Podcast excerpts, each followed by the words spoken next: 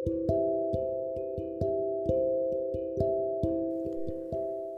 sudah tiba pada waktu ketika yang bisa kita lakukan adalah tidak melakukan apa-apa. Kita sudah kalah tanpa perlu menyerah. Kita sudah kehilangan tanpa perlu dipisahkan.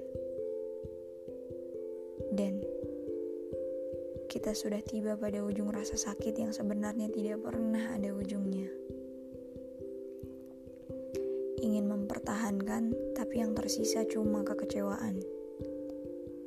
Ingin mencoba lagi, tapi pasti akan berakhir sama. Untuk apa memperjuangkan kata kita jika yang ada hanya dua ego yang tak mau kalah pada hal sama-sama salah? Untuk apa menyelamatkan cerita jika yang kamu inginkan adalah segera membaca bagian akhirnya? Kita sama-sama lelah, jadi berhenti di sini, putar balik arah, karena kita harus berpisah.